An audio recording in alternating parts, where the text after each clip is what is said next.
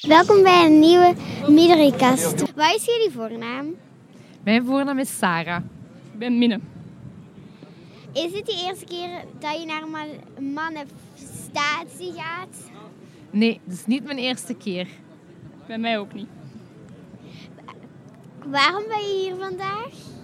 Om ehm, te, te, een signaal te geven dat we een rechtvaardiger eh, klimaat willen. Dat we het klimaat terug willen veranderen in de goede zin. Dat we willen zorgen dat het niet meer verder gaat opwarmen. Dat de aarde kan blijven bestaan. En vooral de mensen die erop leven.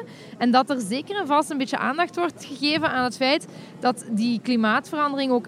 Of die omkering van de klimaatverandering ook een beetje eerlijk moet verlopen, zodat niet alleen maar de arme mensen daar het slachtoffer van moeten worden. Oké, voor jou? Goh, ja, eigenlijk hetzelfde. Ik wil ook een omkeer van het klimaat en ik wil dat het nu en eerlijker gebeurt. Want als we nog veel te lang gaan wachten, dan gaat het te laat zijn.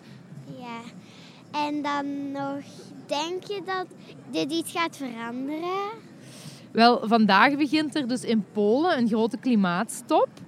En als er in heel veel landen, in heel veel uh, in Europa of in de wereld, heel veel mensen op straat komen, dan kunnen wij toch tenminste al zeggen dat de mensen willen dat dit heel snel gaat veranderen. En dan hopen we maar dat de regeringen volgen.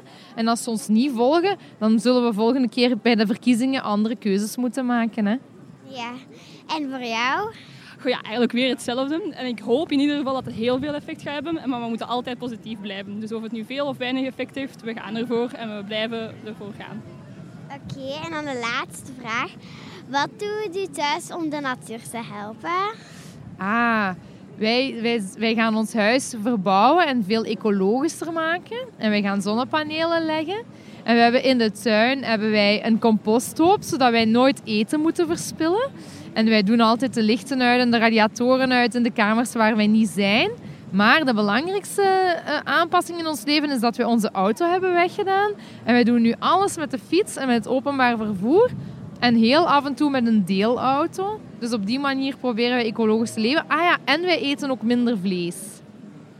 Van dat minder vlees en die uh, auto heb ik al gehoord. Maar wat is het voor u?